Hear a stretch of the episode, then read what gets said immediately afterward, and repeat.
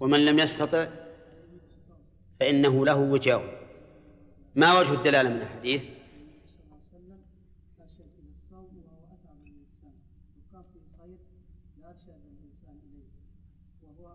لو كان جائزا لأرشد إليه.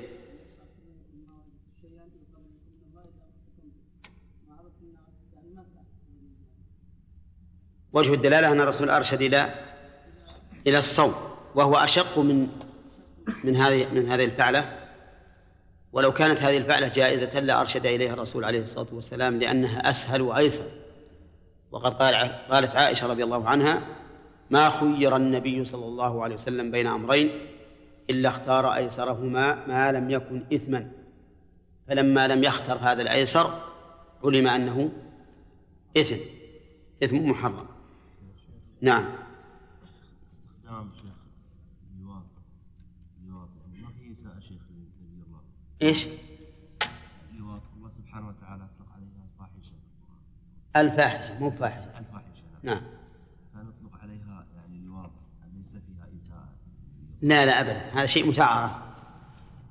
هذا شيء متعارف. مشتقة شيخ لا لا هي أصل النسبة يجوز أن تنسب إلى المضاف أو المضاف إليه. هذا مقتضى اللغة العربية. قوم لوط يعني لوطي أي منتسب إلى هؤلاء القوم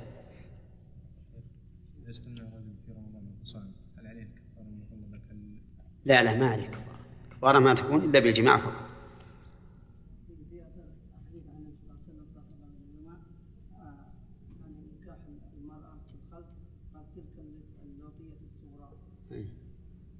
نعم.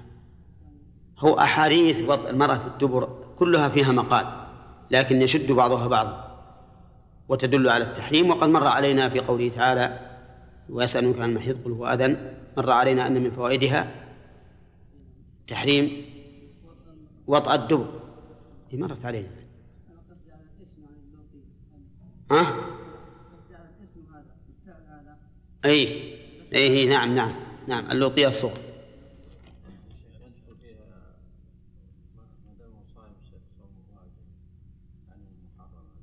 محرم إيش؟ يعني حرام حرام إيش؟ وش اللي حرام؟ معلوم لأن الصوم الواجب لا يجوز قطعه إلا لضرورة بخلاف الصوم المو... اللي غير واجب كيف؟ لا لا هذا مو علشان حفظ الفرج علشان العبادة هذا ما يتعلم ولهذا. هذا حرم عليه حتى على امرأته أي ما ما يدخل في هذا لأن هذا ما يتعلق بحفظ الفرج ولكن يتعلق بصون العبادة يعني تحريم الوطي على من تلبس بنسك أو تلبس بصوم أو تلبس بصلاة مفروضة. ما هو من أجل حفظ الفرج لكن من أجل احترام هذه العبادة. قال والحافظين فروجهم الحافظات. ما وراء ذلكم؟ المحرمات اللي ذكر الله عز وجل.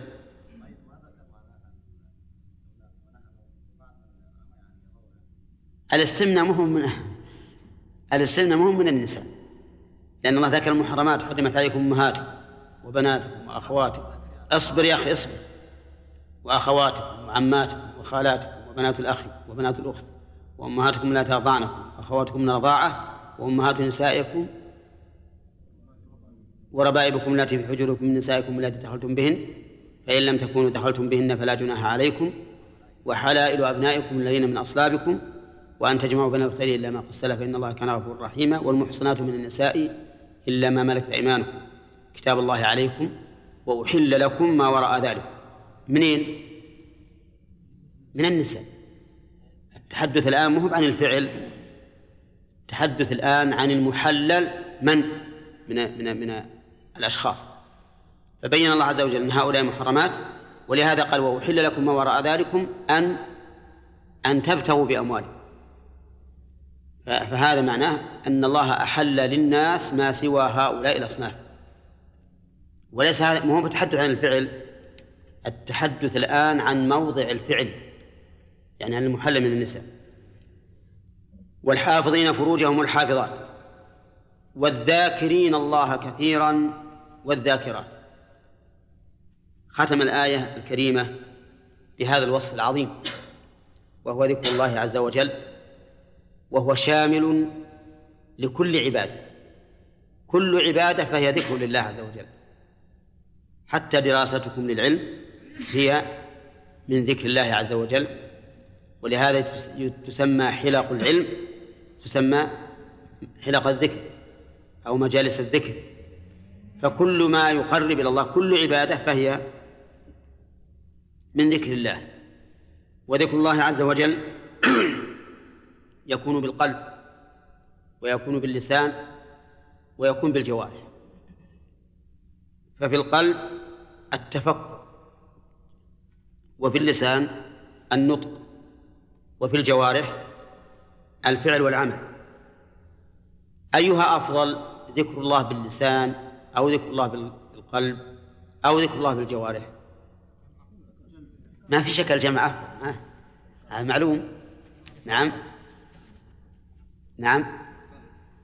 لا القلب وحده لا يكفي. واللسان وحده لا يكفي. نعم. والجوارح وحدها لا تكفي. يعني لو أن الإنسان قال بتفكر في آيات الله عز وجل وفي أسمائه وصفاته ولكن ما هو بذاك هل يكون مسلما؟ ها؟ أقول هل يكون مسلما؟ لا. لا بد أن يقول من قال لا إله إلا الله. وكذلك أيضا بالنسبة للجوارح.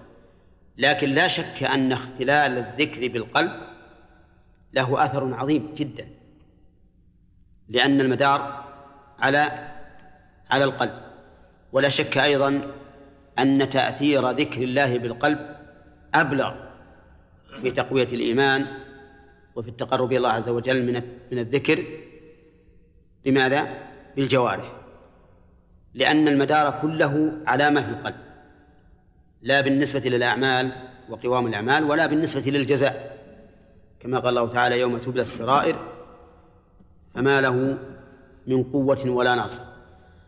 ذكر الله عز وجل يكون مطلقا في كل وقت ويكون مقيدا بأحوال ويكون مقيدا بأماكن ويكون مقيدا بأزمان. فهو إذن أربعة أنواع وهي بأقوال هو من ذكر هو ذكر الله. هو يكون الذكر مطلق مقيد بأزمان مقيد بماذا؟ بأماكن مقيد بأحوال. إذا أنت ملزم بإغلاق اللي ما نعم. أما المطلق فقد قال الله تعالى إن في خلق السماوات والأرض واختلاف الليل والنهار لآيات لأولي الألباب الذين يذكرون الله قياما وقعودا وعلى جنوبهم. هذا في كل وقت في كل حال. وقال تعالى يا أيها الذين آمنوا اذكروا الله ذكرا كثيرا وسبحوه بكرة وأصيلا كما في هذه الآية. الذاكرين الله كثيرا. طيب. المقيد بزمن. وش مثله؟ ها؟ مثل أدبار الصلوات. هذا مقيد بزمن وكذلك الدعاء وكذلك الدعاء في أول النهار أو الذكر الذكر في أول النهار وفي آخره. فسبح بحمد ربك قبل طلوع الشمس وقبل الغروب. المقيد بأمكنة. كدخول المسجد ودخول المنزل والخروج منه ورمي الجمرات ركوب السيارات. لا ركوب السيارات في مكان ها؟ أي طيب. أما المقيد بحال من الأحوال فهو أيضا كثير. نعم. عند الهم والحزن وعند الأكل والشرب وما أشبه ذلك. ها؟ استغاثة إيش؟ الاستسقاء يعني. اي نعم. والله الركوب الاخوان يقولون مقيد بالمكان. على كل حال إن, الذكر إما مطلق وإما مقيد. والله عز وجل شرع لعباده ذلك لأجل أن يكونوا دائما على ذكر الله عز وجل. حتى عند لبس الثوب عند الأكل والشرب والفراغ منهما. طيب. الذاكرين الله كثيرا والذاكرات. أعد الله لهم مغفرة وأجرا عظيما. أعد فعل ماضي. ولفظ الجلالة فاعل والجملة من الفعل والفاعل ها؟ خبر إن. واسم إن ما هو؟ المسلمين وما عطف عليه. وقول أعد الله لهم أي لهؤلاء. والميم علامة جمع الذكور علامة جمع الذكور. وفيه دلالة واضحة على تفضيل الرجال عن النساء لم يقل الله عز وجل أعد الله لهم ولهن ولم يقل أعد الله لهن وإنما قال أعد الله لهم. وقوله أعد بمعنى هيأ هيأ لهم. وقوله مغفرة المغفرة مأخوذة من الغفر وهو الستر وهو الستر مع أو, أو الستر مع الوقاية. الستر مع الوقاية. لأن أصلها من المغفر الذي يوضع على الرأس لاتقاء السهام. والمغفر الذي يوضع على الرأس لاتقاء السهام يحصل به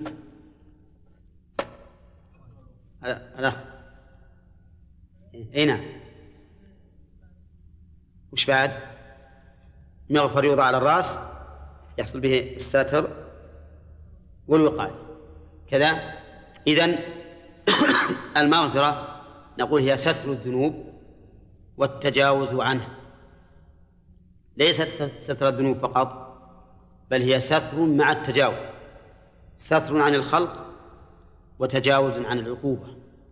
ولهذا جاء في الحديث الصحيح أن الله يأخذ بعبده المؤمن يقرره بذنوبه ثم يقول له قد سترتها عليك في الدنيا وأنا أغفرها لك اليوم. وقوله وأجرا عظيما.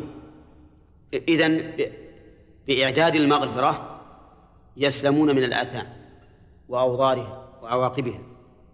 وأجرا عظيما أي ثوابا ذا عظمة في نفسه. هذا الأجر العظيم هو دخول الجنة. وهو أجر لا يمكن أن يحيط به البشر. لأن الله تعالى يقول في الحديث القدسي أعددت لعبادي الصالحين ما لا عين رأت ولا أذن سمعت ولا خطر على قلب البشر. وفي القرآن الكريم يقول الله تعالى فلا تعلم نفس ما أخفي لهم من قرة أعين.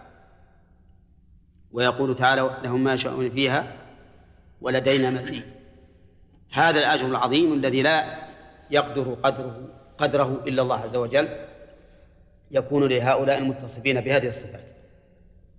وإذا كان الله تعالى قد بين هذه الصفات أو بين القائمين بهذه الصفات وبين ما أعد لهم من الأجر والثواب فهل المراد بذلك مجرد إعلام الناس بهذا أو أن المراد شيء وراء ذلك؟ المراد شيء وراء ذلك وهو أن يقوم الناس بهذه الصفات العظيمة حتى ينالوا ذلك الأجر العظيم والمغفرة. وقول أعد الله لهم مغفرة وأجرا عظيما. كلمة مغفرة نكرة فهل نقول إنها نكرت للتعظيم بدليل عطف عليها وأجرا عظيما؟ أو ماذا؟ هو الظاهر أنها نكرت للتعظيم أي مغفرة عظيمة كما أن لهم أجرا عظيما. يقول مغفرة للمعاصي وأجرا عظيما على الطاعات. جيد هذا يعني المؤلف رحمه الله جعل المغفرة في مقابل المعاصي والأجر في مقابل الطاعات. ولكن هل لترك المعاصي أجر؟ يعني من ترك المعصية هل له أجر؟ إن قلتم لا أخطأت وإن قلتم نعم أخطأت ها؟ نقول تارك المعاصي له ثلاث حالات. إما أن يتركها عجزا عنها مع فعل الأسباب الموصلة إليها. وإما أن يتركها لأنها لم تطرأ له على بال ما عملها؟ لأنها ما طرت على باله. وإما أن يتركها مع مع كونها على باله لكن تركها لله عز وجل. أما الحال الأولى الذي ترك المعصية عجزا عنها مع فعل الأسباب الموصلة إليها فهذا له حكم الفاعل. له حكم الفاعل. مثال ذلك رجل أتى بالسلم ليصعد إلى البيت فيسلم نعم لكن يوم جاء بيصعد سمع صوتا سمع صوتا ونظر وإلى حوله أناس فترك. وش نقول؟ هذا له حكم حكم الفاعل لكن عند الله. أما في الدنيا ما نقطع يده. لكن عند الله له حكم الفاعل. وش الدليل؟ الدليل قوله صلى الله عليه وسلم إذا التقى المسلمان لا تفعل إذا التقى المسلمان بسيفيهما فالقاتل والمقتول في النار. إذا التقى المسلمان بسيفيهما فالقاتل والمقتول في النار. قالوا يا رسول الله هذا القاتل فما بال المقتول؟ كيف مقتول يصير في النار؟ قال لأنه كان حريصا على قتل صاحبه. حريصا وفاعل لسبب ملتقم مع الآخر بالسيف.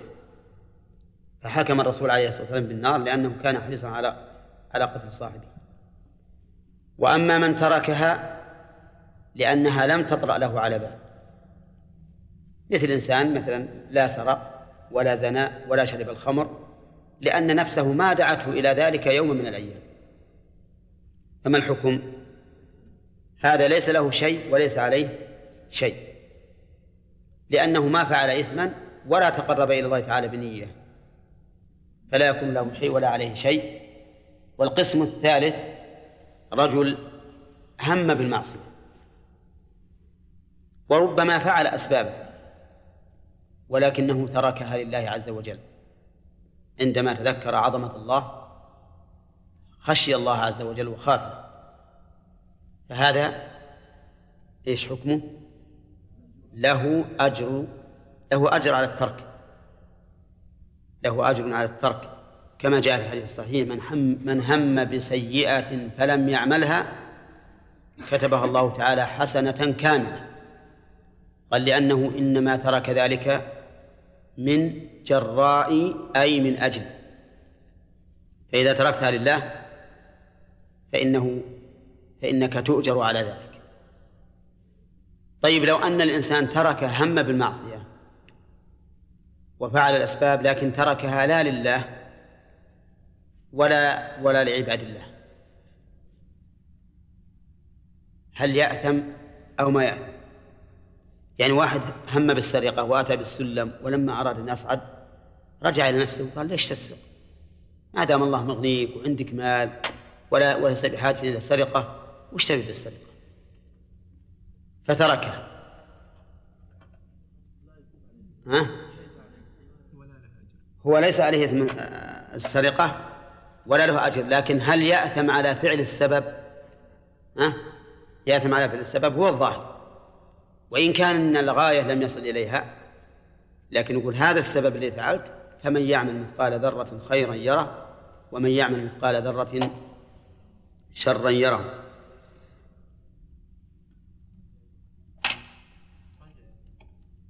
ما رجع.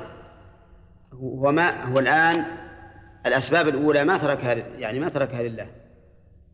إنما تركها لأنه نظر إلى ولا ما هو حاجة ليس بحاجة إلى السرقة فتركها. حين نقول أما السرقة فلا تأثم وإن كنت قد نويتها بالأول لأنك ما فعلتها. وأما فعل الأسباب فإن هذه الأسباب محرمة. ها؟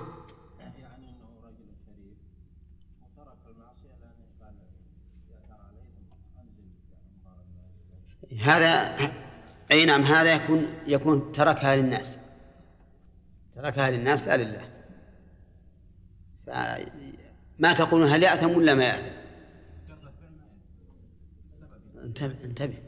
هذا رجل ترك المعصية لشرفه يعني ترك الزنا مع تيسره لأنه يقول إنه رجل شريف ما يحب أن يتلوث بهذه الأخلاق السافلة إيش تقولون؟ ها؟ إي ما يخالف لكن السؤال هل يؤجر أو لا يؤجر؟ أما على ترك الزنا فالظاهر أنه لا يؤجر لأنه ما تركه لله. وأما على حماية شرفه فإنه يؤجر لأن الإنسان ينبغي له أن يدافع عن شرفه. حتى أن النبي عليه الصلاة والسلام لما قال هذه صفية هذه صفية هو على كل حال ما هو لدفع التهمة عن نفسه لأن هذا شيء بعيد. لكن لئن لا تقع التهمة في أولئك فيهلك. ولهذا قال إن الشيطان يجري من ابن آدم مجرى الدم وإني خشيت أن يقضي في قلوبكما شرا. فالظاهر لي أن الإنسان الذي يترك الشيء محافظة على شرفه وعلى سمعته فإنه يؤجر على ذلك لأنه صان نفسه. وفي الحديث رحم الله امرأ كف الغيبة عن نفسه ولا أدري عن صحته لكن الإنسان مأمور بحماية شرفه بلا شك. والذود عن نفسه وإزالة التهمة عنها. فإذا كان هذا نيته أو إذا كان هذه نيته فإنه يؤجر لكن لا يؤجر على لا يؤجر أجر من ترك الزنا لله. لأن بينهما فرقا عظيما. والله. ها؟ الحياء من الإيمان. لكن ما يثاب كثواب من ترك الزنا لله. فوائد الآية الكريمة التفصيل في ذكر الرجال والنساء. لقول إن المسلمين والمسلمات إلى آخره. التفصيل في ذكر الرجال والنساء. ها؟ أولى. وهذا وإن كان موجودا في القرآن لكن موجودا في القرآن لكنه قليل. ومن فوائد الآية الكريمة أن الإسلام غير الإيمان. من أين يؤخذ؟ المسلمين والمسلمات والمؤمنين. والعطف يقتضي المغايرة. وقد اختلف الناس هل الإسلام الإيمان أو هل الإسلام هو الإيمان أو غيره. والصواب في ذلك التفصيل. فإذا أطلق الإسلام دخل فيه الإيمان. وإذا أطلق الإيمان دخل فيه الإسلام يعني أطلق بمعنى ذكر مفردا. فقوله تعالى إن الدين عند الله الإسلام يدخل فيه الإيمان لا شك. وقوله والله يحب المؤمنين يدخل فيه الإسلام لا شك فيها. وأما إذا ذكر جميعا فإنهما يختلفان. ولهذا سأل جبريل النبي صلى الله, صلى الله عليه وسلم عن الإسلام فذكر له أشياء. وسأله عن الإيمان فذكر له أشياء تخالف إذا ذكر جميعا صار الإيمان في القلب والإسلام علانية في الجوارح. طيب. ثالثا أيهما أكمل؟ ها؟ الإيمان أكمل. لقول الله تعالى قالت الأعراب آمنا قل لم تؤمنوا ولكن قولوا أسلمت ولما يدخل الإيمان في قلوبكم. هذا من القرآن ومن السنة أن رجلا أثنى عند النبي صلى الله عليه وسلم على رجل فقال إنه مؤمن. فقال النبي صلى الله عليه وسلم أو مسلم. فدل ذلك على أن الإسلام أضعف من الإيمان. لأن الرجل كان يثني عليه يمدحه. فقال إنه مؤمن فقال أو مسلم. أظنه كررها وعلى هذا فنقول إن الإيمان أعلى من من الإسلام. وهو مغاير له إذا ذكر جميعا. ها؟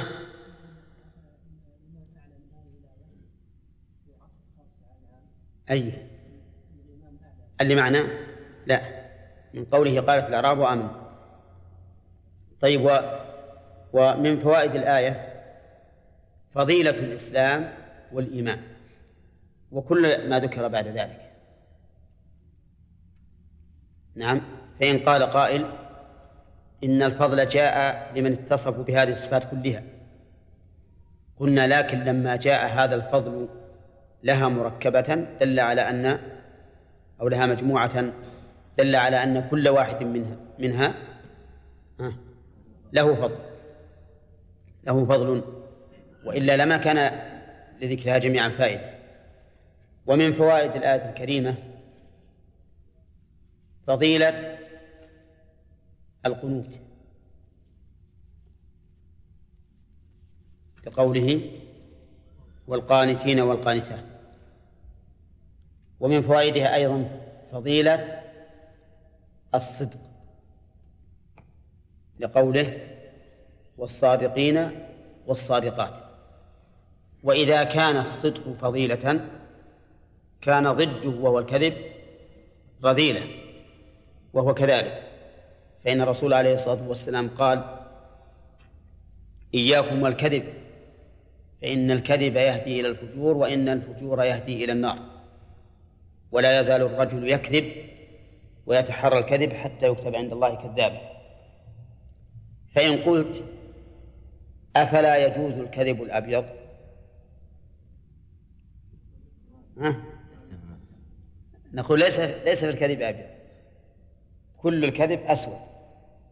وعند العوام الكذب الأبيض هو الذي لا يستلزم أكل المال. اكذب كما شئت بس لا لا تأكل لا تأكل أموال الناس بالكذب. ولكن هذا خلاف. تحذير النبي عليه الصلاة والسلام حين قال إياكم والكذب فإن الكذب يهدي إلى الفجور هل رخص في شيء من الكذب؟ ما هو؟ الإصلاح بين الناس والحرب وحديث المرأة الرجل مع امرأته والمرأة مع مع زوجها. لكن بعض أهل العلم يقول لم يرخص في شيء من الكذب إطلاقا. وقال إن المراد بالكذب في هذا الحديث التورية. التورية. نعم. فالتورية كما تعرفون كذب من وجه ها؟ صدق من وجه آخر. فهي باعتبار نية الفاعل القائل صدق وباعتبار ما فهمه المخاطب كذب. فيقولون إن عمومات الحديث تدل على الكذب ويجمع بينه وبين الحديث الذي فيه الاستثناء بأن هذا من باب من باب التورية وقالوا إن الإصلاح بين الناس إذا بني على الكذب فقد تكون النتيجة فيما بعد نعم عكسية. إذا علم المتصالحان فيما بعد أن الأمر ليس على على ما ذكر يمكن يزيد الشر وينتقض الصلح. وقالوا أيضا إن الكذب في الحرب الكذب في الحرب ربما ينتج نتيجة سيئة حيث يتبين للعدو أن الأمر ليس على ما قيل. مثل أن يقال له إن عندنا جمعا كثيرا وما أشبه ذلك بدون تورية فهذا خطر قالوا وأيضا حديث المرأة حديث الرجل زوجته وحديث المرأة زوجها. هذا أيضا لو أجزنا الكذب صار مشاكل عظيمة. ها؟ يجي الرجل يقول أنا عندي مليون ريال وعندي مئة سيارة وعندي ثلاثين فلة وما أشبه ذلك. يوم تدري ولا ما عنده إلا ثياب ها؟ وش تكون النتيجة؟ نعم. طيبة ولا حسنة؟ تقول أنت كذاب ولا تصلح زوج لي. نعم. وكذلك بالعكس. المرأة تحدث زوجها ليش تطلع للسوق؟ قالت أبدا ما عمري طلعت. ما عمري طلعت السوق. ولا أعرف السوق ولا أعرف الرجال ولا. فإذا الأمر بالعكس. فيه خطورة.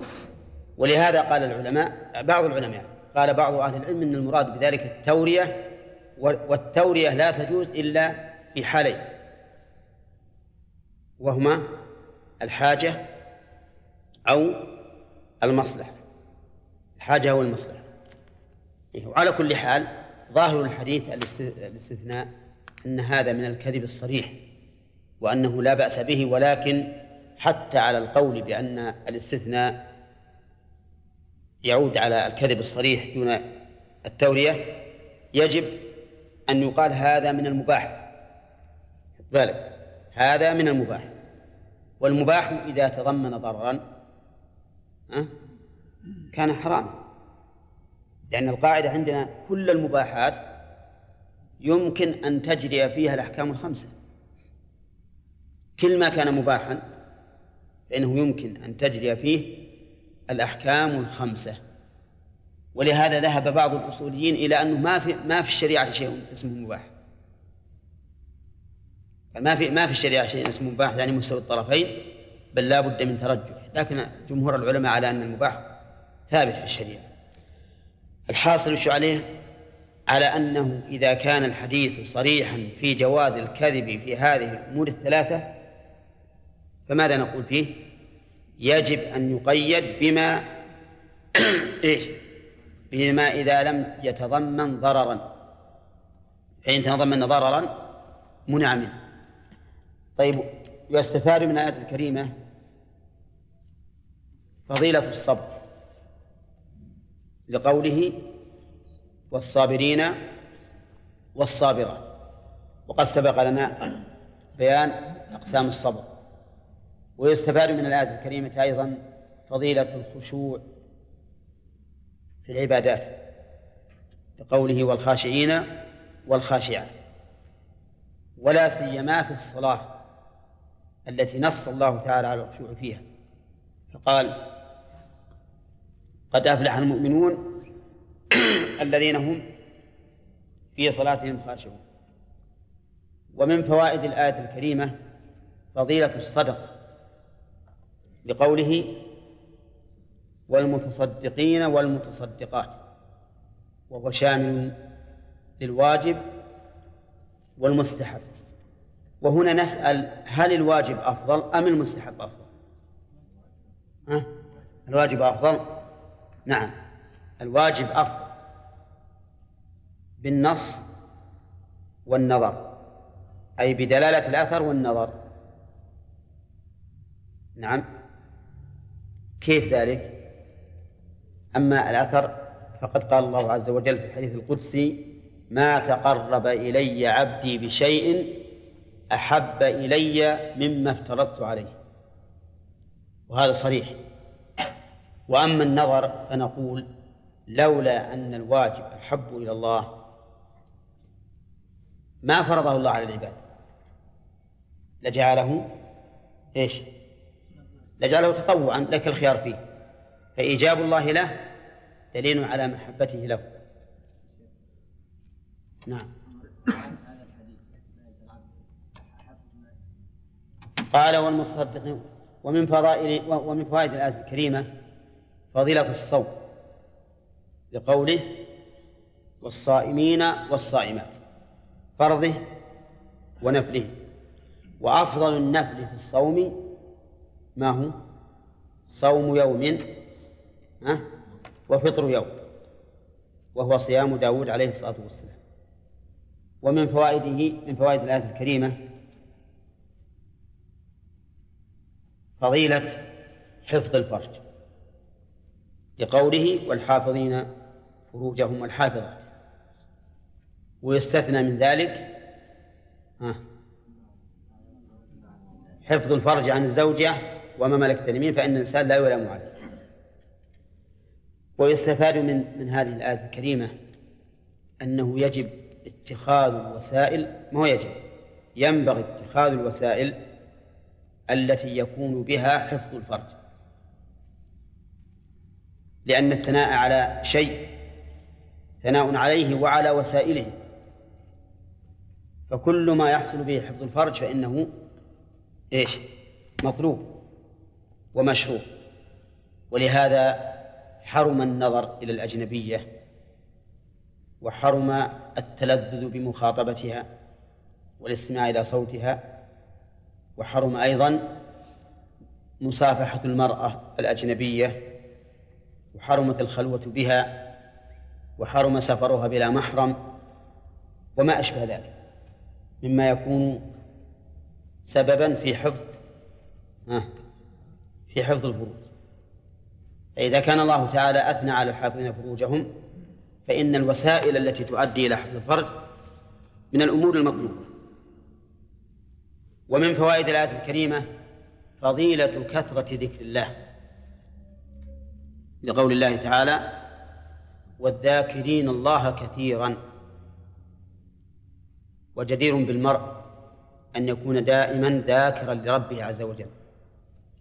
لأنه ما من نعمة هو فيها إلا, إلا وهي من الله. فإذا كان الله قد أدام عليك النعم وأكثر عليك النعم فلماذا لا تديم ذكره؟ نعم حقيقة الأمر أن الإنسان لو فكر لوجد أنه لو يستوعب ليله ونهاره في ذكر الله ها ما كفى ولهذا قال النبي عليه الصلاة والسلام سبحانك لا أحصي ثناء عليك أنت كما أثنيت على نفسك. سبحانك لا أحصي ثناء عليك أنت كما أثنيت على نفسك. الإنسان ما يمكن أن يحصي الثناء على الله أبدا مهما كان. ومن فوائد الآية الكريمة أن الله عز وجل أعد لهؤلاء ليتوا ما ما يحرشوا الله أعد لهؤلاء المتصفين بهذه الصفات أعد لهم المغفرة للذنوب والأجر العظيم على الطاعات. أعد الله لهم مغفرة وأجرا عظيما كم الأوصاف اللي ذكرت؟ عشرة؟ المسلمين والمؤمنين نعم والقانتين والصادقين والصابرين والخاشعين والمتصدقين والصائمين والحافظين فروجهم والذاكرين الله كثيرا. عشرة مع المعطوف عليها تكون عشرين.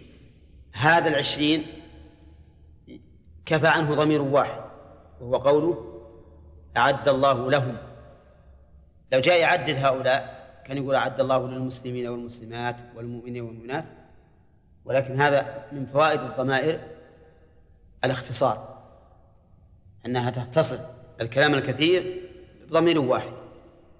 ومن فوائد الآية الكريمة تفضيل الرجال على النساء لأنه قدم في الذكر قدم الرجال ولا لا؟ إن المسلمين إلى قوله والذاكرين الله كثيرا. ومن فوائدها أيضا أن التغليب التغليب في جانب المذكر. لقوله لهم ولم يقل لهم ولهن.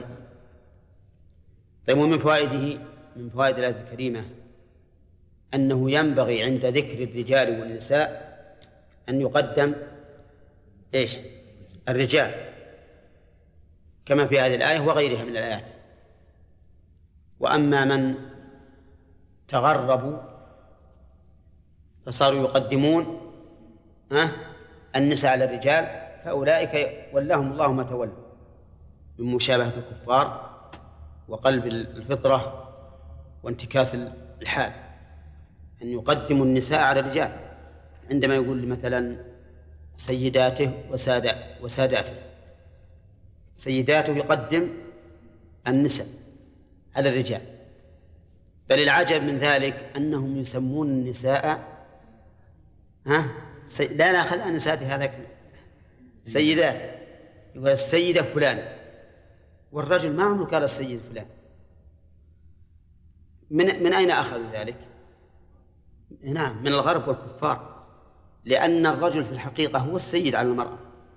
قال الله تعالى وألف يا سيدها لدى الباب. أما المرأة من سيدة على الرجل أبدا. لكن هؤلاء كما قلت قلب الله فطرتهم بسبب أنهم تابعوا أعداء الله عز وجل. وكثير من المسلمين مع الأسف الآن ما يحسون بهذه المسائل ولا ولا يرونها شيئا. ماشيين مع العالم حتى الألفاظ التي قد تكون محرمة يمشون فيها.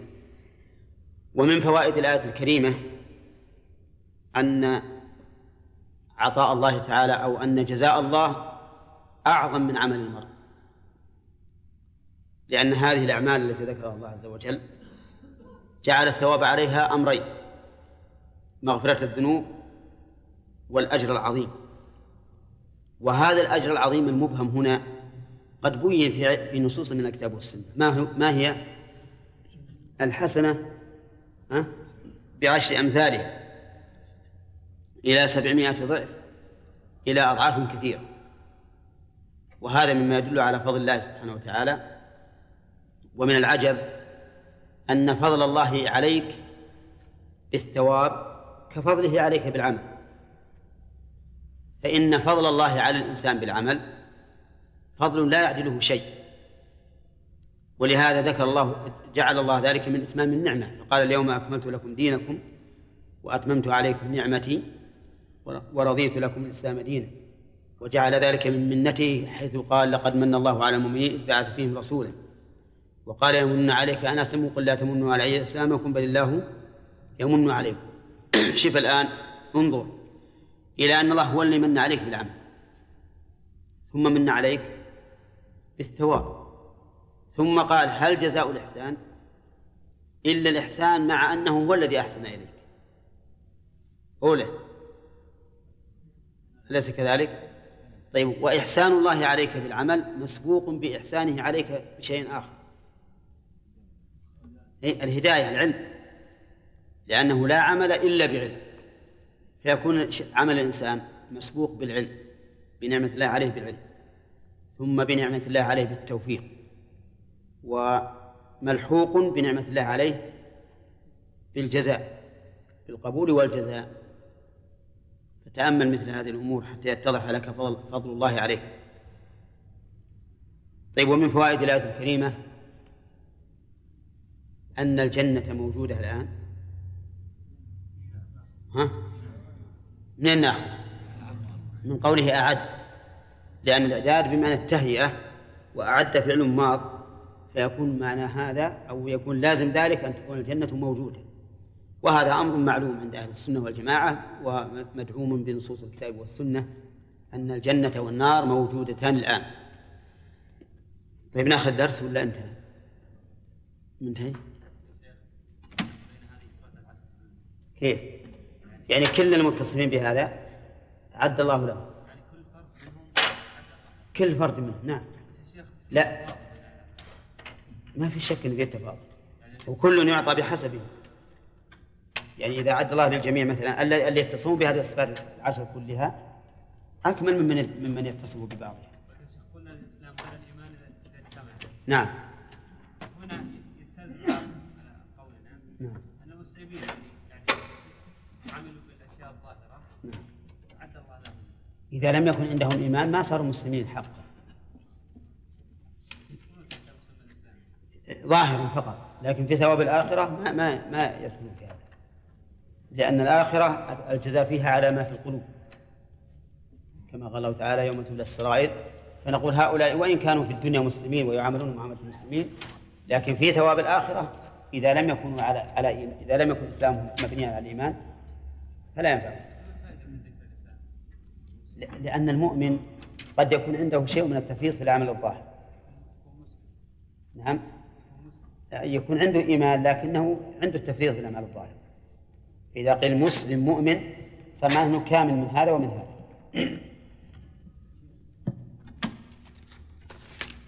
نشهد بظاهر الحال. وقد نقول إن, إن الأولى أن لا نشهد أيضا لأن الرسول لما شهد الرجل لهذا أنه مؤمن قال أو مسلم. فقد نقول إن إن نشهد لهذا بظاهر حاله. أنه مؤمن. والمسألة هذه يعني فيها صعوبة جدا. لأنك إذا شهدت له بالإيمان لازم أن تشهد له بالجنة ولكن نقول هذا الرجل اللي يعمل عمل المؤمن نقول هو في ظاهر حاله مؤمن والله أعلم بما عنده. الحديث ضعيف. إذا رأيتم الرجل يعتاد المسجد فاشهدوا له بالإيمان هذا ضعيف. ثم لو صح فالمراد بظ- بظاهر الحال.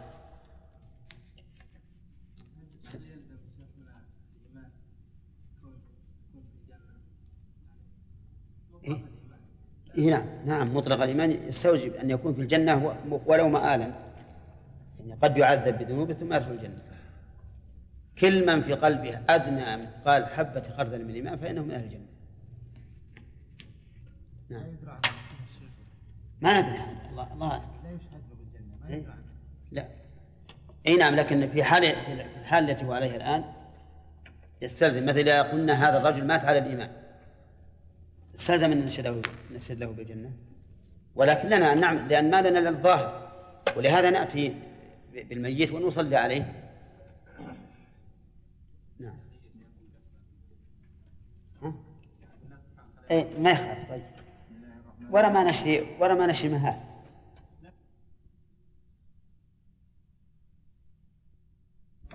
أن يكون لهم الخيارة من أمرهم. ما هذه نافية؟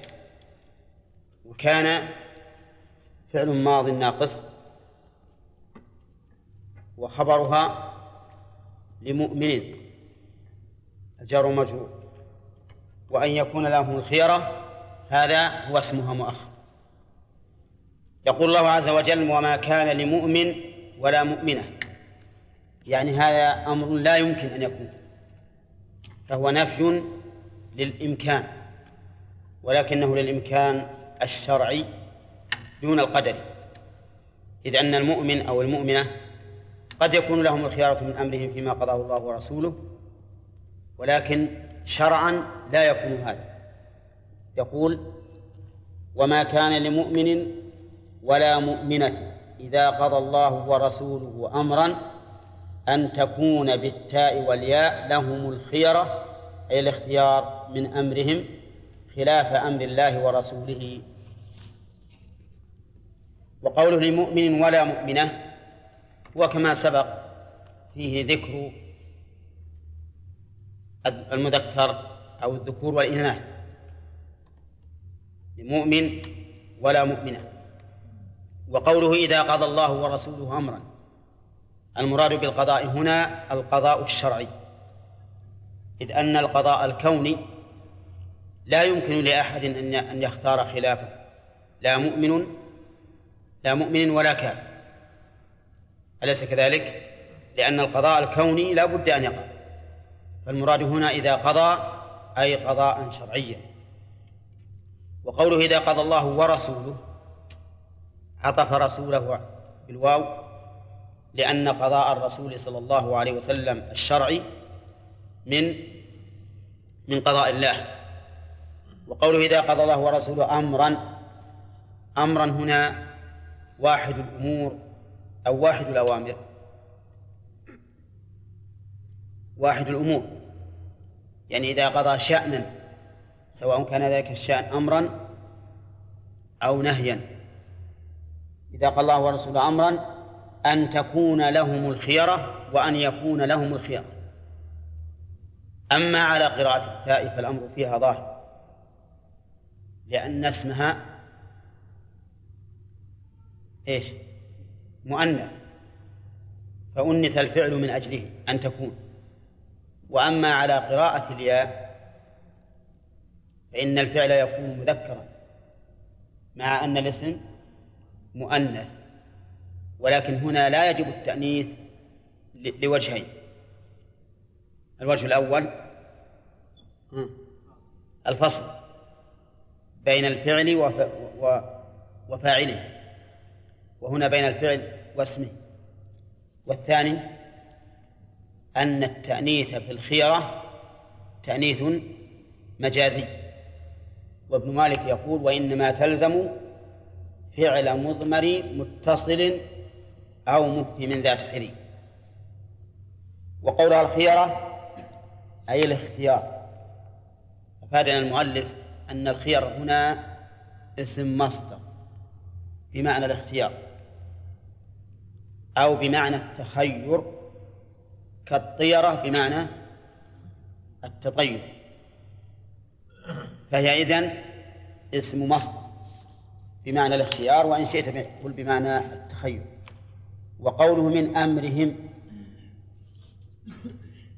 قد يقول قائل إن إن المتبادر أن يقول من أمره لأن لمؤمن ولا مؤمنة مفرد فالمتبادر أن يقول وما كان لمؤمن ولا مؤمنة إذا قضى الله ورسوله أمرا أن يكون لهم الخيرة أن يكون له الخيرة من أمره. ولكنه جمع لأن مؤمن ومؤمنة جاء منكرا في سياق ها؟ سياق إيش؟ النفي فيكون العموم فعاد الضمير إليه باعتبار المعنى لا باعتبار اللفظ. وقوله من أمرهم يعني معناه من أمر من أمرهم أي من شأنهم. ويجوز أن يكون من أمرهم أي من أمر الله إياهم. فعلى الأول يكون الإضافة من باب إضافة الشيء إلى فاعله وعلى الثاني من باب إضافته إلى مفعوله. وقول المؤلف خلاف هذه بالنصب مفعول للخيرة بمعنى الاختيار. يعني ما كان لهم أن يختاروا خلاف أمر الله ورسوله. فتبين الآن معنى الآية. معنى الآية أن الله يقول لا يمكن لمؤمن ولا مؤمنة لا يمكن شرعا ولا قدرا شرعا. إذا قضى الله ورسوله أمرا أن يخالفوا أمر الله ورسوله وأن يختاروا خلاف أمر الله ورسوله. لماذا لا يمكن؟ لأن ما في قلوبهم من الإيمان يمنعهم من المخالفة. ألا ترى إلى قول النبي صلى الله عليه وسلم لا يزني الزاني حين يزني وهو مؤمن. لأنه لو كان في قلبه إيمان حين الزنا ما زنى. لا يسرق السارق حين يسرق وهو مؤمن. فالإيمان إذا وقر في القلب لا يمكن أن يكون صاحبه مخالفا لأمر الله ورسوله. وقوله ومن يعص نعم قال المؤلف قبل. قال المؤلف نزلت في عبد الله بن جحش وأخته زينب خطبها النبي صلى الله عليه وسلم لزيد بن حارث فكره ذلك حين علم لظنهما قبل أن النبي صلى الله عليه وسلم خطبها لنفسه ثم رضي للآية. هكذا ذكر المؤلف أنها نزلت فيه في هذه القصة وهذه القصة ضعيفة لأنها معضلة ومنقطعة. فهي ضعيفة ونحن لا يهمنا في الحقيقة سبب النزول. سبب النزول صحيح أن فيه فائدة وهو أنه يكشف أحيانا المعنى ويبينه ويوضحه لكن المهم إيش؟ المهم الحكم وهو أنه لا يمكن لمؤمن إذا قضى الله ورسوله أمرا أن يختار خلاف أمر الله ورسوله أن يكون لهم الخيارة من أمرهم لأنهم لا بد أن يوافقوا أمر الله ورسوله لما في قلوبهم من الإيمان ولهذا كلما هم المؤمن بمعصية ذكره إيمانه بالله فكف عنه. ألا ترى إلى قول النبي عليه الصلاة والسلام في السبعة الذين يظلهم الله في ظله قال ورجل دعته امرأة ذات منصب وجمال. وهذه الدعوة كانت في محل خالي لا يطلع عليهما أحد سوى الله. فقال أه إني أخاف الله. فمنعه إيمانه من أي من أي شيء؟ من أن يفعل الفاحشة مع سهولة أسبابها. وكذلك أحد الثلاثة الذين انطبق عليهم الغار حين مكنته ابنة عمه من من نفسها. فلما جلس منها مجلس الرجل مع امرأته. وأعتقد في هذه الحال أن الرغبة ستكون شديدة وقوية. وأنه لا لا يفصمها إلا إيمان قوي. لما جلس منها مجلس رجل مع امرأته قالت له يا هذا اتق الله ولا تفض الخاتم إلا بحقه. فقام منها وهو أح وهي أحب الناس إليه. هذا هذا من الإيمان بلا شك. إذن نحن لا يهمنا أن تكون نزلت في زينب بن جحش وأخيها عبد الله أو في غيره. المهم أن الحال المؤمن تمنعه من آه من مخالفة أمر الله ورسوله. وأما ما ذكره المؤلف فهو يقول إن النبي صلى الله عليه وسلم خطب زينب بنت جحش وقد خطبت كما ذكره غيره خطبت من قبل رجال شرفاء وذوي جاه.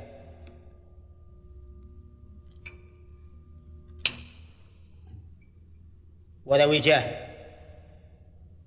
فخطبها النبي عليه الصلاة والسلام فظنوا أنه خطبها لنفسه. ثم بعد ذلك بين لهم أنه خطبها لزيد بن حارثة. زيد بن حارثة من هو؟ ومولى رسول الله صلى الله عليه وسلم وكان حسب ما ذكره أهل السير كان عبدا لخديجة رضي الله عنها. فوهبته للنبي صلى الله عليه وسلم فاعتقه. لما علم أنه خطبها لزيد امتنع. فلما نزلت الآية رضيا بذلك رضيا بذلك. وهذا ليس بغريب على الصحابة لو صح الحديث. ليس بغريب أن يقدموا أمر الله ورسوله على ما تهواه أنفسهم. ها؟ ها؟ أنا. لا ما عندنا بعد وعن. خطبها النبي صلى الله عليه وسلم زيد بن حارثة فكره هذا. أقول مهم هذا اشتب عليه. قال الله تعالى ومن يعص الله ورسوله فقد ضل ضلالا مبينا. ومن يعص الله من؟ اسم استفهام. ها؟ ما الذي أدراك منها شرطية؟ لا غير الجواب. ها؟ فعل الشرط لأنه مجزوم. ومن يعص الله لكنه مجزوم بحذف حرف العلم من يعص الله المعصية مخالفة الأمر. أو إن شئت فقل المعصية خلاف الطاعة. سواء كانت وقوعا في منهي عنه أو تركا لمأمور به. لكن إذا قيل طاعة ومعصية صارت الطاعة فعل المأمور والمعصية فعل المحظور أما إذا قيل معصية وحدها أو طاعة وحدها فإنها تشمل الأمرين. قال ومن يعص الله ورسوله سواء عصاهما جميعا. يعني في أمر من من الله وأمر من رسوله وقعت فيه المعصية. أو عصى الله وحده أو عصى الرسول وحده. فإنه قد ضل ضلالا مبينا.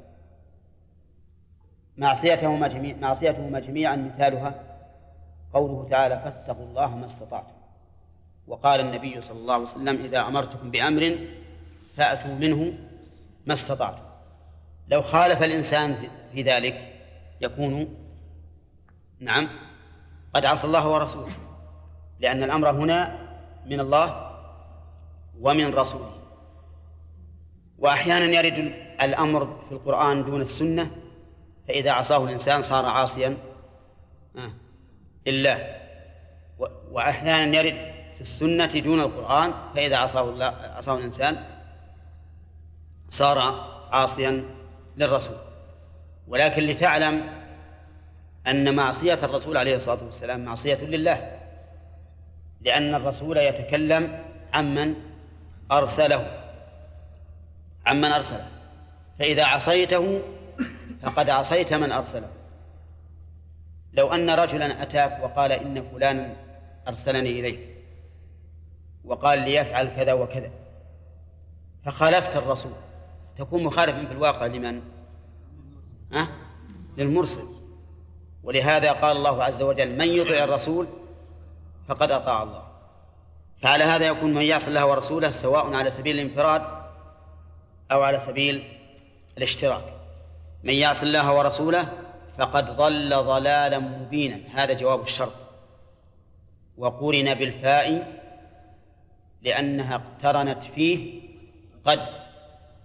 وهناك ضوابط لجواب الشرط الذي يجب اقترانه بالفاء. ذكرت في بيت قد أنشد لكم من قبل. فما هذا البيت؟ أظن عبد الرحمن بن داود بيقرأه علينا. نعم. يستمع إليها من وليد.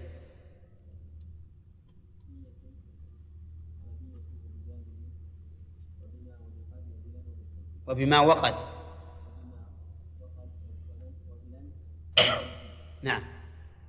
اسمية. طلبية وبجامد وبما وقد وبلن وبالتنفيذ. كم؟ سبعة. إذا كان جواب الشرط أحد هذه الأمور السبعة فإنه يقترن بالفاء وجوبا. ولا يشد ولا يشد عن هذه القاعدة إلا أمر نادر كقول الشاعر من يفعل الحسنات الله يشكرها من يفعل الحسنات الله يشكرها ولم يقل فالله يشكرها لكن هذا نادر أو ضرورة. طيب هنا اللي معنا من هذه الأشياء السبعة ها؟ قد ومن يعص الله ورسوله فقد ضل ضلالا مبينا. قال المؤلف بينا. ونحن تكلمنا من قبل أن أبان الرباعية تكون متعدية وتكون لازمة. إذا كانت لازمة فهي بمعنى بان. إذا كانت متعدية فهي بمعنى أظهر. نعم. هنا قال ضلالا مبينا. هل تصلح بمعنى أظهر؟ يعني بمعنى ضلالا مظهرا. ها؟ ما تصلح.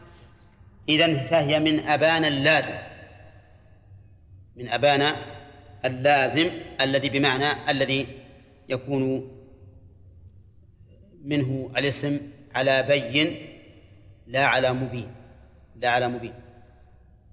وقوله لا على مبين بمعنى مظهر.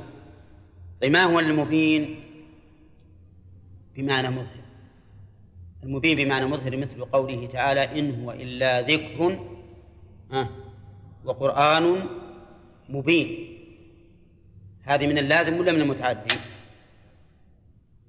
ها؟ من المتعدي يقينا؟ نعم لأن القرآن مظهر مظهر للحقائق.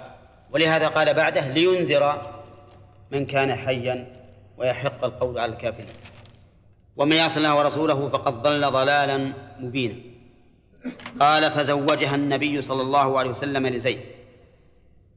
ثم وقع بصره عليها بعد حين فبلغ في نفسه حبها وفي نفس زيد كراهتها. ثم قال للنبي صلى الله عليه وسلم أريد أريد فراقها. فقال أمسك عليك زوجك كما قال تعالى وإذ تقول للذي أنعم الله عليه هذا الذي ذكره المؤلف رحمه الله ذكر ذكر عن بعض المفسرين من السلف والخلف لكنه كما قال ابن كثير أقوال ينبغي أن يضرب الإنسان عنها صفحا لأنها أقوال باطلة لا تليق بمقام النبي صلى الله عليه وسلم. لأن القصة إذا قرأها الإنسان يتصور أن الرسول صلى الله عليه وسلم كان عاشقا من العشاق. وما أشبه هذه القصة الباطلة بقصة داود عليه الصلاة والسلام الذي التي ذكروا أن داود طلب من أحد جنوده أن يتزوج امرأته ولكنه أبى فاحتال عليه بحيلة شوف كيف إيش الحيلة؟ قال نطلعه مع الجيش علشان يقتل فأتزوج امرأته هل هذا يمكن أن يقع من نبي من أنبياء الله؟ أبدا. هذه لو قال قائل إنها وقعت من أحد السوقة من الناس. لقيل ما ما ما أظلم هذا الرجل وما أجهله. فكيف بنبي من أنبياء الله؟ الرسول صلى الله عليه وسلم هل يمكن أن يتصور أحد أنه عشق هذه المرأة؟ لاحظوا لأن بعض الناس حتى بعض المفسرين والعياذ بالله صار يتلفظ بهذا اللفظ يقول عشق المرأة. الرسول عشق المرأة. زينب نعم. ولكن هذا قول باطل. وسيأتي إن شاء الله تعالى في الكلام على تفسير الآية. بيان معنى الآية وأن بيا وأن معناها ناصح واضح. ولم يذكر فيها ول- ولم يكن الرسول عليه الصلاة والسلام قال له أمسك عليك زوجك واتق الله وأنه أخفى حبها لأن الله قال في نفس الآية وتخفي في نفسك ما الله مبديه. فبين الله أنه سيبدي ما أخفاه في نفسه. لو كان الذي أخفاه النبي عليه الصلاة والسلام في نفسه الحب لكان لكان الله يبديه. لكن ما الذي أبدى الله؟ الذي أبدى الله تزويجها أنه زوجه إياه. فكان الرسول عليه الصلاة والسلام أخفى في نفسه ما أعلمه الله أنه سيتزوجه. بدون أن يكون هناك حب وعلاقة. لكن الرسول عليه الصلاة والسلام علم بما أعلمه الله أنه سيتزوجها. فلما جاء هذا الرجل يستشيره قال له اتق الله لا تطلق المرأة. فعاتبه الله عاتب الله رسوله لماذا قال له اتق الله وامسكها؟ وقد علم أن الله تعالى سيزوجه إياها. فالمسألة واضحة ما فيها أي إشكال.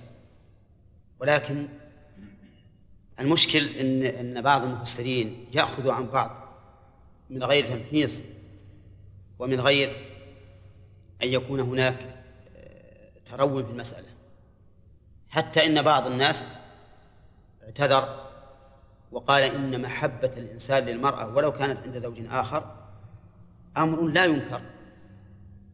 إنما الذي ينكر أن يحاول التوصل إلى هذه المرأة بطريق ها بطريق غير شرعي وأما أن يقع في نفسه محبة امرأة عند زوج فهذا لا لا بأس به وهو أمر قد تدعو إليه الجبلة والطبيعة.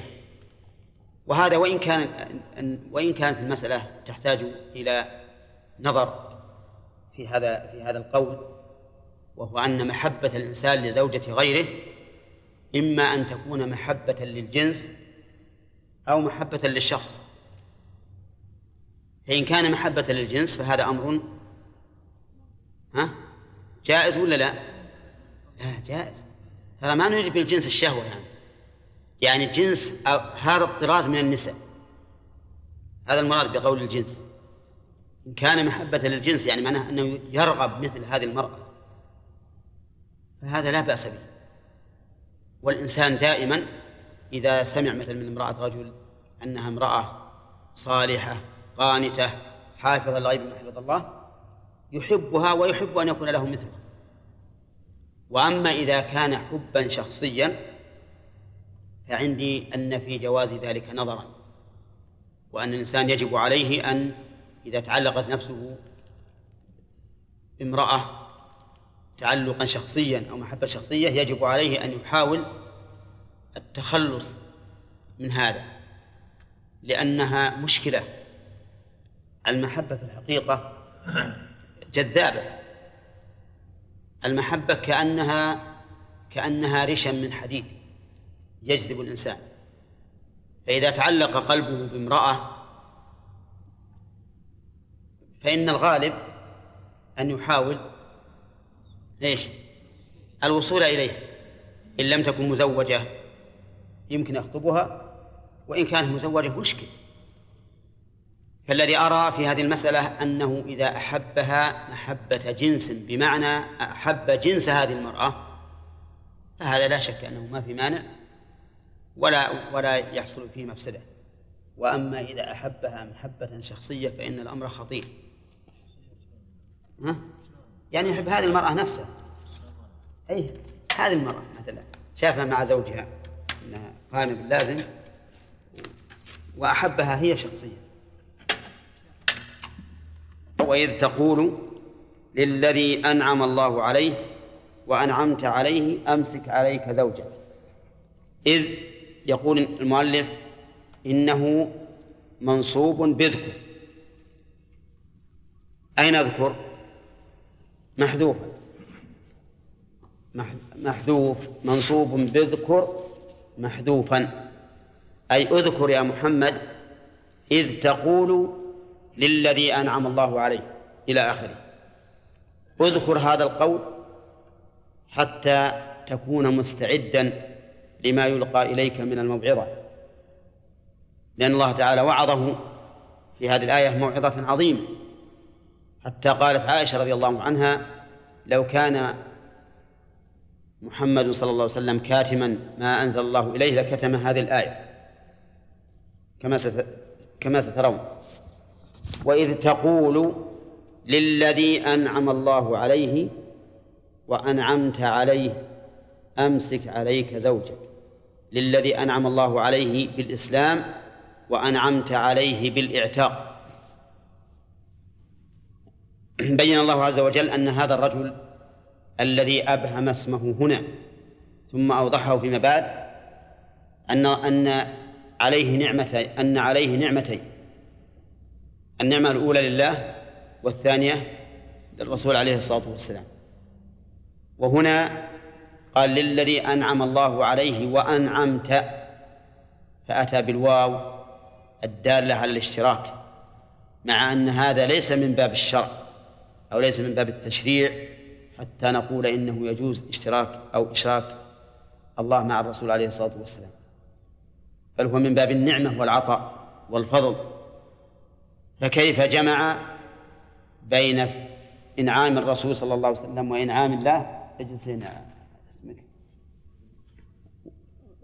ب- ب- بالواو. الدالة على التشريك فالجواب أن نقول جمع بينهما بالواو الدالة على التشريك لأن النعمتين مختلفتان. النعمة الأولى من الله. بماذا؟ في الإسلام. والثانية النعمة من الرسول صلى الله عليه وسلم بالعتق. فلما اختلفت النعمتان صار الوا... صارت الواو لا... لا تدل على الاشتراك. لامتناع الاشتراك بين شيئين مختلفين. تقول للذي أنعم الله عليه وأنعمت عليه بالإعتاق وهو زيد بن حارثة كان من سبي الجاهلية اشتراه النبي صلى الله عليه وسلم قبل البعثة وأعتقه وتبناه. المشهور أن زيد بن حارثة رضي الله عنه كان مملوكا لخديجة فوهبته للنبي صلى الله عليه وسلم. هذا هو المعروف في السياق. وأيا كان فإن زيد بن حارثة كان مملوكا للرسول صلى الله عليه وسلم ثم أعتقه. وتبناه أيضا. رفع معنويته بكونه أضافه إليه ابنا له وكان يدعى زيد بن محمد. حتى أبطل الله ذلك في قوله ما كان محمد أبا أحد من رجالكم ولكن رسول الله وخاتم النبيين.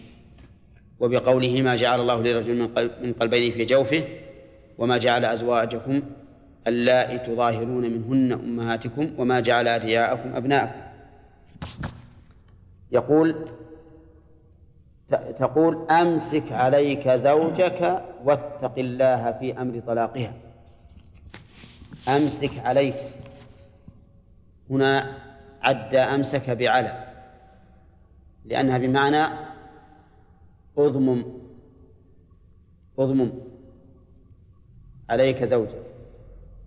يعني اجعلها منضمة عليك لا تفارقه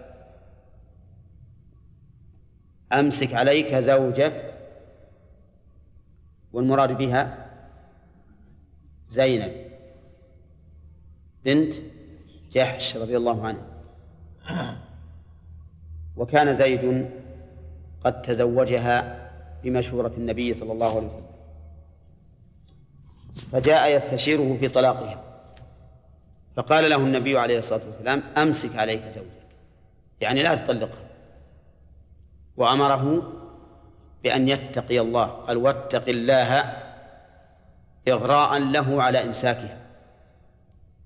وإن كان الرجل لم يفعل خطيئة لأن الطلاق مما يباح للرجال لكن من باب الإغراء على إمساكها. وقال بعض المفسرين إنه أي زيد بن حارثة إنه ذكر زينب بعيب فقال له الرسول عليه الصلاة والسلام اتق الله يعني لا تصفها بالعيب. وليس المعنى اتق الله لا تطلقها لأن الأصل في الطلاق أنه مباح. أمسك عليك زوجك واتق الله. قال الله تعالى وتخفي في نفسك ما الله مبديه.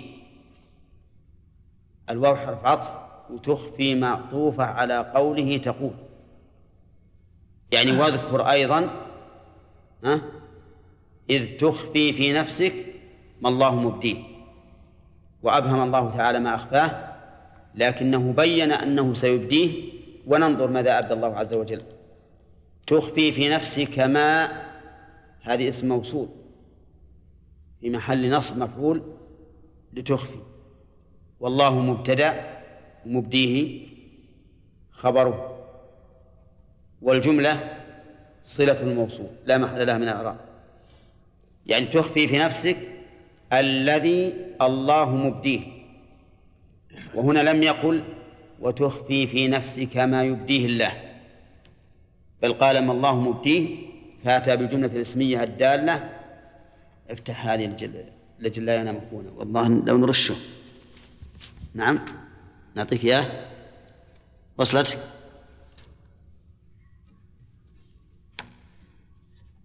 الجملة هنا اسمية. وإنما أتى بها بالجملة الاسمية الدالة على الثبوت كأن هذا أمر لا بد منه. لا بد أن أن يبديه أن يبديه الله عز وجل. وهذا هو الذي وقع. ومعنى مبديه أي مظهره وهو مقابل لقوله تخفي وتخفي في نفسك ما الله مبدي إلا أن المقابلة اختلفت من حيث الصيغة. فالصيغة في الإخفاء جاءت ها بالمضارع وأما الصيغة بالإبداع فجاءت بالجملة الاسمية. قال تخفي في نفسك ما الله مبديه مظهره من محبتها من محبتها. وأن لو فارقها زيد تزوجتها. هذا ما زعم المؤلف تبعا لكثير من المفسرين أن الذي أخفاه النبي عليه الصلاة والسلام هو محبته لهذه المرأة. فأبدى الله ذلك. ولكنك إذا تأملت الآيات وجدت أن الذي أخفاه هو نية الزواج بها. بأمر الله عز وجل. فإن الله تعالى أمره أن يتزوجها بعد زيد بن حارث وكأن هذا والله أعلم كأن هذا والله أعلم من أجل جبر قلبها حيث تزوجت زيد بن حارثة وهو مولى وهي من صميم العرب. فأراد الله عز وجل أن يكافئها على خضوعها لمشورة النبي صلى الله عليه وسلم بأن يتزوجها الرسول صلى الله عليه وسلم. هذه من جهة. ومن جهة أخرى أمره الله أن يتزوجها لأجل أن يزول ما كان مشهورا عندهم في الجاهلية. ها منين؟ من أن ابن التبني لا يجوز لمن تبناه أن يتزوج بامرأته. فيكون هذا من باب البيان بالفعل الذي هو أقوى من البيان بالقول. قال أمسك عليك زوج نعم وتخفي في نفسك ما الله مبديه مظهره من محبتها وأن لو فارقها زيد تزوجها طيب وإذا نظرنا إلى الذي أبداه الله وجدنا أنه زواجها لا أنه يحبها. ما قال الله في القرآن إنك تحبها أبدا ولا تعرض للحب قال وتخشى الناس أي تخاف من قولهم ومن كلامهم بأن بأن يقولوا تزوج زوجة ابنه. وهذا عند العرب عيسى. عيب عيب عندهم فهم يرونه من- من المنكرات قال الله تعالى والله أحق أن تخشاه في كل شيء وتزوجها ولا عليك من. وتزوجها ولا عليك من قول الناس ثم طلقها زيد وانقضت عدتها قال الله تعالى فلما قضى زيد إلى آخره قال الله قال الله تخشى الناس والله أحق أن تخشاه. منين؟ من الناس. ولكن هنا أطلق. قال الله أحق أن تخشاه ولم يذكر المفضل عليه. من أجل العموم. لأنه دائما يكون الحذف مفيدا للعموم. يعني أحق أن تخشاه من كل أحد. من الناس ومن الجن ومن غيره. وقول أن تخشاه يعني أن تخافه. ولكن الخشية خوف مع علم. لقوله تعالى إنما يخشى الله من عباده العلماء. والخشية أيضا خوف مع قوة المخشي وعظمته. فالخوف دون الخشية لأن الخوف يقع بدون علم ولأن الخوف يقع من ضعف الخائف لا من قوة المخوف. فلهذا كانت الخشية أرفع منزلة وأرفع مرتبة وأقوى والله أحق أن تخشاه فلما قضى زيد منها وطرا حاجة زوجناكها فدخل عليها النبي صلى الله عليه وسلم بدون إذن وأشبع المسلمين خبزا ولحما ها؟ إيش؟ بغير إذن أنا وش قلت؟ إيه. طيب دخل فلما قضى زيد منها وطرا أي حاجة وهذا دليل على أن زيدا رضي الله عنه تزوجها طلقها عن رغبة وأنها انقضت حاجته منها ولا ولم يطلقها عن ضغط أو إكراه وقوله زوجناكها شرعا أو قدرا. ها؟ شرعا وقدرا لكن المهم شرعا. لأنه لو كان المراد قدرا فقط لم يكن بينها وبين أمهات المؤمنين فرق. لأن أمهات المؤمنين أيضا ممن زوجهن الله زوجهن الله قدرا. وكانت هي أي زينب تفتخر على نساء النبي صلى الله عليه وسلم فتقول زوجكن أهاليكن وزوجني الله من فوق سبع سماوات. وهذا دليل على أنه تزويج إيش؟ شرعي ولكنه قدري أيضا في نفس الوقت. وقول زوجناكها في هذا ضميران مفعولان. الضمير الأول الكاف والثاني هاء وهو متمش على القاعدة. ابن مالك يقول وقدم الأخص في اتصال وقدم ما شئت في انفصال. وضمير المتكلم المخاطب أخص من ضمير الغائب. ولهذا قال زوجناكها. الحكمة من ذلك قال لكي لا يكون على المؤمنين حرج في أزواج أدعيائهم إذا قضوا منهن وطرا. لكي لا يكون اللام هنا للتعليل. وكي؟ آه. شعرات كي؟ كي حرف مصدر لأنها بعد اللام مصدرية محضة. أي لأن ولا نافع وقول حرج أي ضيق ومشد ومشقة. وقوله في أزواج أدعيائهم من أدعياؤهم؟ أبناؤهم الذين تبنوا. هؤلاء هم الأدعياء. وهؤلاء الأدعياء ليسوا بأبناء كما قال الله تعالى وما جعل أدعياءكم أبناءكم. وتأمل قوله لئلا يكون على المؤمنين حرج في أزواج أدعيائهم. ولم يقل أبنائه الذين تبنوه لأن هذه البنوة منتفية شرعا وباطلة شرعا. ولهذا قال أدعيائهم وبهذا نعرف أن قول من قال في قوله تعالى وحلائل أبنائكم الذين من أصلابكم أن قوله من أصلابكم احتراز من ابن التبني. يتبين لنا أن هذا القول لا وجه له لأن ابن التبني لم يسمه الله ابنا أبدا بل نفى عنه البنوة فقال وما جعل أدعياءكم أبناءكم وقال هنا لكي لا يكون على المؤمنين حرج في أزواج أدعيائهم وإذا كان ابن التبني لا يسمى ابنا شرعا فإنه لا حاجة إلى أن إلى أن نأتي بصفة تخرجه لماذا؟ أه؟ لأنه ليس بداخل أصلا حتى يخرج بهذه الصفة الذين من أصلابه ولكن احتراز من ابن أه؟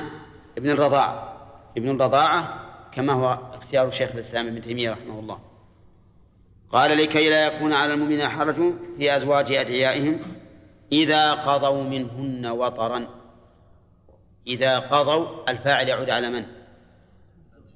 على الأدعياء وقوله إذا قضوا منهن وطرا فيه إشارة إلى أنه لو كان ذلك بضغط من من الأب المدعي ها؟ لكان ذلك فيه حرج. بل لا بد أن يكونوا قد قضوا منهن وطرا وأنهوا رغبتهم رغبتهم فيهن. قال وكان أمر الله مفعولا وكان أمر الله قال المؤلف مقضيه مفعولا. أمر الله الكوني أو الشرعي؟ ها؟ الكوني.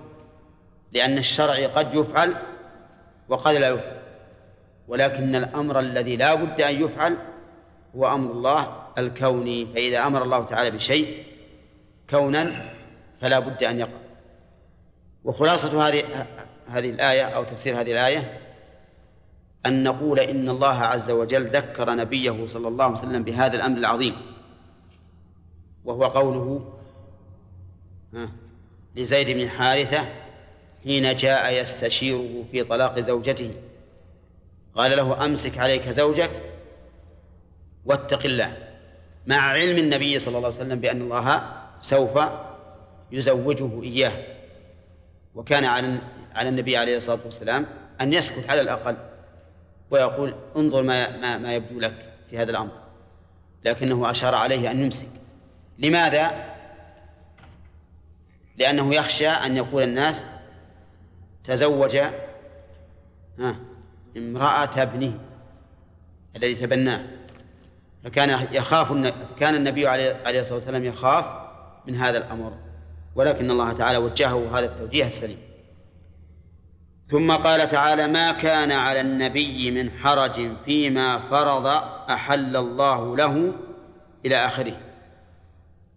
ما كان ما نافيه. وكان فعل ماض ناقص.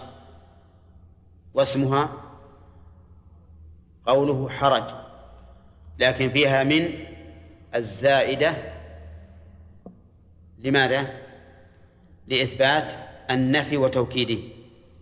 وقوله على النبي هذا خبره مقدم. ما كان على النبي من حرج